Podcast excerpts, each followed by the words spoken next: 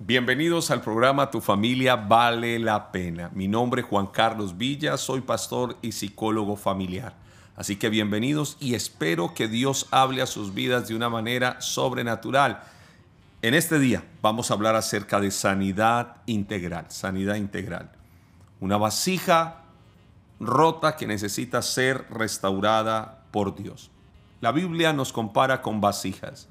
Dice la Biblia que Dios le dijo a Jeremías que fuera a casa del alfarero y mirara lo que hacía, y él hacía una vasija, y esa vasija se echó a perder en las manos del alfarero, y él volvió e hizo otra como le pareció mejor hacerla, y dice Dios a Jeremías, no haré yo con vosotros como este alfarero o casa de Israel, así como él trabaja el barro, así como lo trabaja el alfarero, así trabajaré contigo.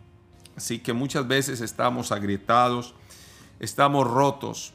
Tal vez algunos hasta somos como el periódico de ayer, ¿verdad? Eh, somos como, como una noticia que ya pasó y vivimos de una gloria pasada, de momentos pasados, y no estamos viviendo un presente, una verdad presente.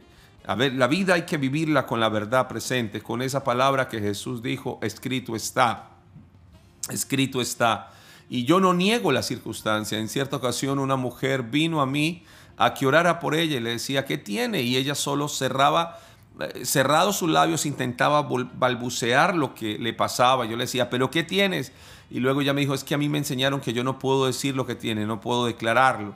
Y le dije, eso es una realidad que lo que estás viviendo, pero hay una verdad presente de Dios que está por encima de lo que tú estás viviendo. Entonces no se trata de no decir lo que tienes, se trata de que a eso que eso que está pasando, eso que estás viviendo, es eso que está sucediendo, pues puedas levantarte y puedas decir, venga, aquí hay una verdad presente y pueda decir, escrito está. Ahora, Dios tiene el poder para bendecirte. La Biblia dice hasta en Efesios 1.3 que ya has sido bendecido. Dios derrama su bendición sobre tu vida, su poder, su gloria, pero mucho de eso, mucho de lo que recibes, se nos va fácilmente de nuestra vida porque esa vasija está agrietada. Esa, esa vasija tal vez está rota. ¿Qué la rompe? El pecado, esos hábitos destructivos con los cuales estás batallando día a día. ¿Qué la rompe también las heridas? las marcas que dejaron en tu pasado y que te tienen, te han condicionado, la herencia que traes, la, casa donde creciste, el entorno en que se desarrolló tu infancia. En neurocibernética aprendíamos hace muchos años sobre eh, lo que son las fuentes programadoras y hablaban de, entre ellas la familia, los padres, esas circunstancias que rodearon al ser a la persona. Otra, otra, otra grieta en la vida de la persona tiene que ver con un mundo de ocultismo o de maldad. Eh, muchas veces cosas que pasaron en el pasado, pactos que hiciste en el pasado, que, cosas que estableciste en el pasado con las cuales no has roto y es tiempo de romper con ello. En este día Dios quiere traer una sanidad integral hacer un proceso en tu vida. Como dice Jeremías 18:6, no podré yo hacer de vosotros como este alfarero o casa de Israel, dice el Eterno, he aquí como el barro en mano del alfarero, así sois vosotros en mi mano, o casa de Israel. Y eso es lo que Dios quiere. Dios quiere traer una sanidad integral, reparar, restaurar, regenerar, restituir. Son términos que están en la palabra y que los puede estudiar. Levítico 6 habla de la restitución Joel 2, 26, 27 y el 28 que habla de en, aquellos tiempos derramaré de mi espíritu sobre toda carne, habla de la restauración, habla también de la restitución. Y en Hechos 3 la Biblia vuelve y cita y dice que era necesario que el cielo retuviera a Jesús hasta la restauración de todas las cosas. ¿Por qué es importante la sanidad integral? Porque yo puedo hablar de una sanidad en el espíritu, en el alma o en el cuerpo, pero no podemos separar tanto al ser humano que no se pueda volver a unir. Hay que volverlo a unir. Debemos de trabajar en una sinergia con el ser humano. El ser humano es, es, es, es algo más ontológico, es algo más completo. El ser humano es un ser y no puedo decir entonces que con mi ah, espíritu le sirvo a Dios, pero mi alma no, o mi carne no. No, no, no. Todo debe de ser. La Biblia dice, todo vuestro ser espíritu, alma y cuerpo sean guardados irreprensibles hasta la venida del Señor Jesucristo. Así que necesitamos trabajar completos. Ahora, muchas veces eh, las personas me preguntan eh, por qué sufren tanto de depresión. La mayoría de personas que han consultado, que se les ha atendido. La depresión tiene que ver no solamente con una eh, deficiencia a nivel de, neuronas, no solamente tiene que ver con un estado mental, a veces la depresión también tiene que ver con el pasado. La persona, el pasado la perturba, así como el futuro tiene que ver con la ansiedad. A veces eh, la depresión o, dentro de las causas con las cuales se busca, por las cuales o en las cuales se busca la depresión, también está el pasado. Tal vez un pasado tortuoso, un pasado que deprime, un pasado que aflige a la persona. Eh, esos hechos que pasaron y que alguien le dijo, échale tierra a eso, un término muy latino, échale, échale tierra a eso. Quiere decir como ocúltelo, tápelo, pero hay cosas que por más que quieras tapar, así no las vas a solucionar. Hay cosas que dice la Biblia porque todo lo que mi Padre no sembró en ti será arrancado de raíz. Y si es necesario arrancar algo de raíz, Dios lo va a hacer porque Dios quiere restaurarte íntegramente, completamente. Esa es parte del propósito del Señor. Ahora, muchas personas me han preguntado también cómo se curan los rencores, las traiciones, las amarguras. Mire la palabra amargura, cómo cambia de contexto con solo cambiarle una letra amargura le cambiaría la letra G por, eh, por la C y terminaría diciendo amar cura, amar cura. Y fácilmente a veces necesitamos salir de ese círculo vicioso del pasado, de, de, eso que es tan reiterativo en ti, que siempre estás yendo al pasado y te alimentas del pasado, pero el pasado no existe, lo que existe es el recuerdo del pasado. Y algunas personas están batallando con sus recuerdos, se les volvieron sus demonios.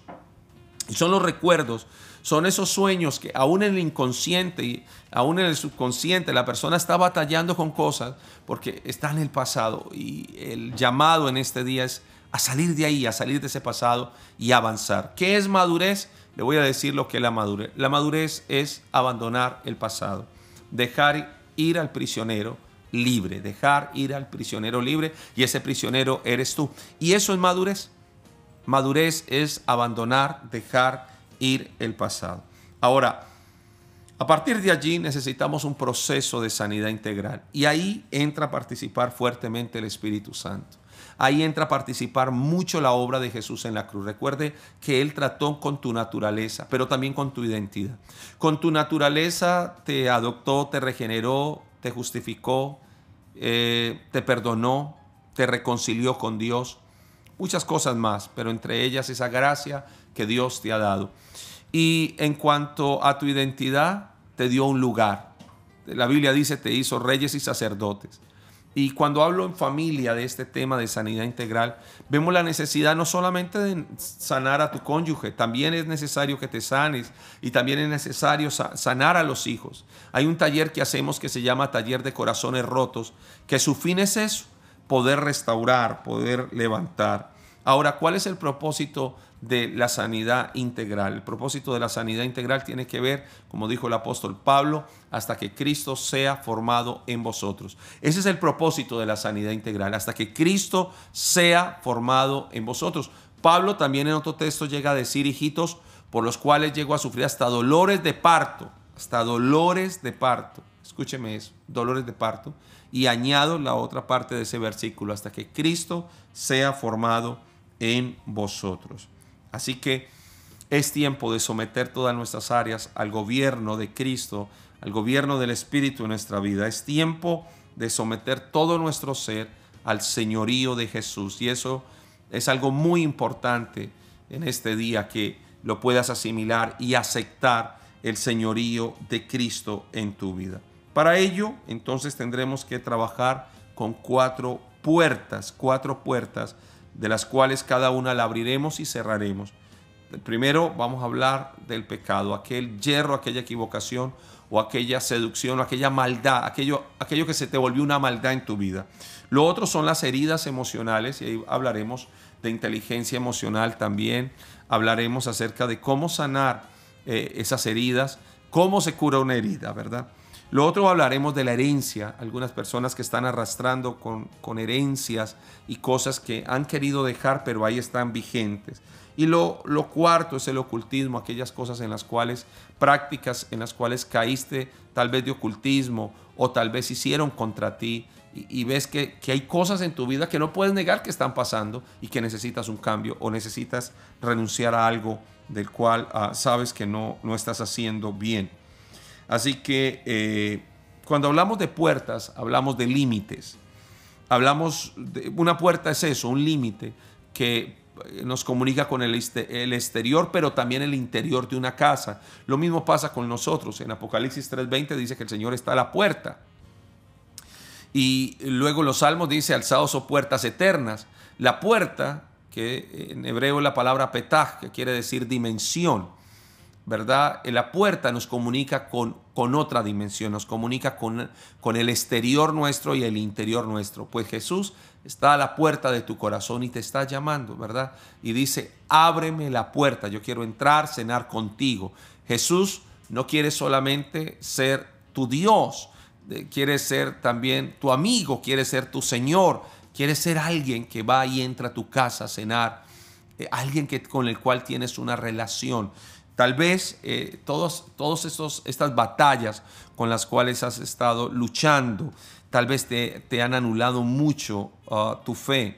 Recuerde que hay un sistema de alerta en nosotros que se activa a través de la amígdala. Y la amígdala, que es una parte ahí muy interna de nuestro cerebro, está muy cerca al sistema límbico y, nos mantiene o nos pone en alerta y esa alerta nos pone en huida a causa del temor, pero muchas veces esto está bloqueando tu fe porque te cuesta, así como le pasó a Pedro que cuando empezó a dejar de ver al Señor y empezó a ver las circunstancias, el mar, los vientos, las olas, dice que tuvo miedo, tuvo temor, activó ese sistema de alerta en, él y, estaba bloqueando su fe. Y, él empezó a pedirle al Señor que lo salvara porque pues se estaba hundiendo. Pero esto es lo hermoso del Señor, que volvió con Pedro a la barca caminando. Y eso es lo que el Señor hace eh, cuando permitimos que Él inicie un proceso serio en nuestra vida. Cuando le pedimos, Señor, hay, hay áreas de mi vida que no están bien, tal vez dudo de ti, dudo de tu poder. Eh, recuerdo estar un día en una campaña de milagros, de mucha oración, y habían dos mujeres una ciega y otra medio ciega. Pero la mujer ciega se sanó totalmente, pero la medio ciega decía, eh, no se sanó, pero además decía, yo sabía que Dios no me iba a sanar. Yo lo sabía. Entonces, a veces somos tan incrédulos aún de estos procesos, porque cuántos procesos has vivido en tu, en tu vida y se te volvieron fue reprocesos, porque no avanzas, porque no caminas, porque ves allí un límite eh, que, que no te deja avanzar, que te tiene paralizada, te tiene frisado, frisada. Y es la idea en este día que puedas avanzar, que puedas recibir esa sanidad, que le permitas al Señor abrir la puerta a Él, pero también cerrar la puerta a todo lo que ha sido tu pasado, a todo lo que ha sido ese dolor, a todo lo que ha sido pecado maldad o iniquidad, a todo lo que puede estar destruyendo tu hogar. Qué importante poder cerrar la puerta, pero también abrirle la puerta a Jesús y que hoy le puedas decir, Señor, yo quiero abrirte la puerta de mi vida. Yo quiero que tú entres, quiero que gobiernes, pero dentro de mí hay habitaciones, dentro de mi alma hay áreas que necesitas trabajar, Señor. Y algunas de esas áreas me da vergüenza, me da pena que, quieras tocarlas, pero yo sé que en sueños, yo sé que a veces con tus amigos, a veces con aún con el pastor de la iglesia a la cual asistes, Dios te ha hablado, o alguien, no necesariamente tiene que ser pastor, pero alguien te habló, te dijo, mira, hay un área de tu vida que no está bien, y tú tenías esa área muy guardada, muy sellada, pero tal vez es hora de abrirla y permitir que Dios te sane. Recuerde que allí vas a encontrar áreas tal vez de pecado, de rechazo, de dolor, tal vez de ocultismo, tal vez de, de herencias que quieres dejar eh, de maldad o de heridas y usted cerró la puerta de su corazón al amor, a, enamorarse y dice, no me vuelvo a enamorar, no quiero más hombres o mujeres en mi vida y eso por, por marcas que dejaron y cerraste la puerta, pero eso te llevó a la depresión o te llevó a una ansiedad.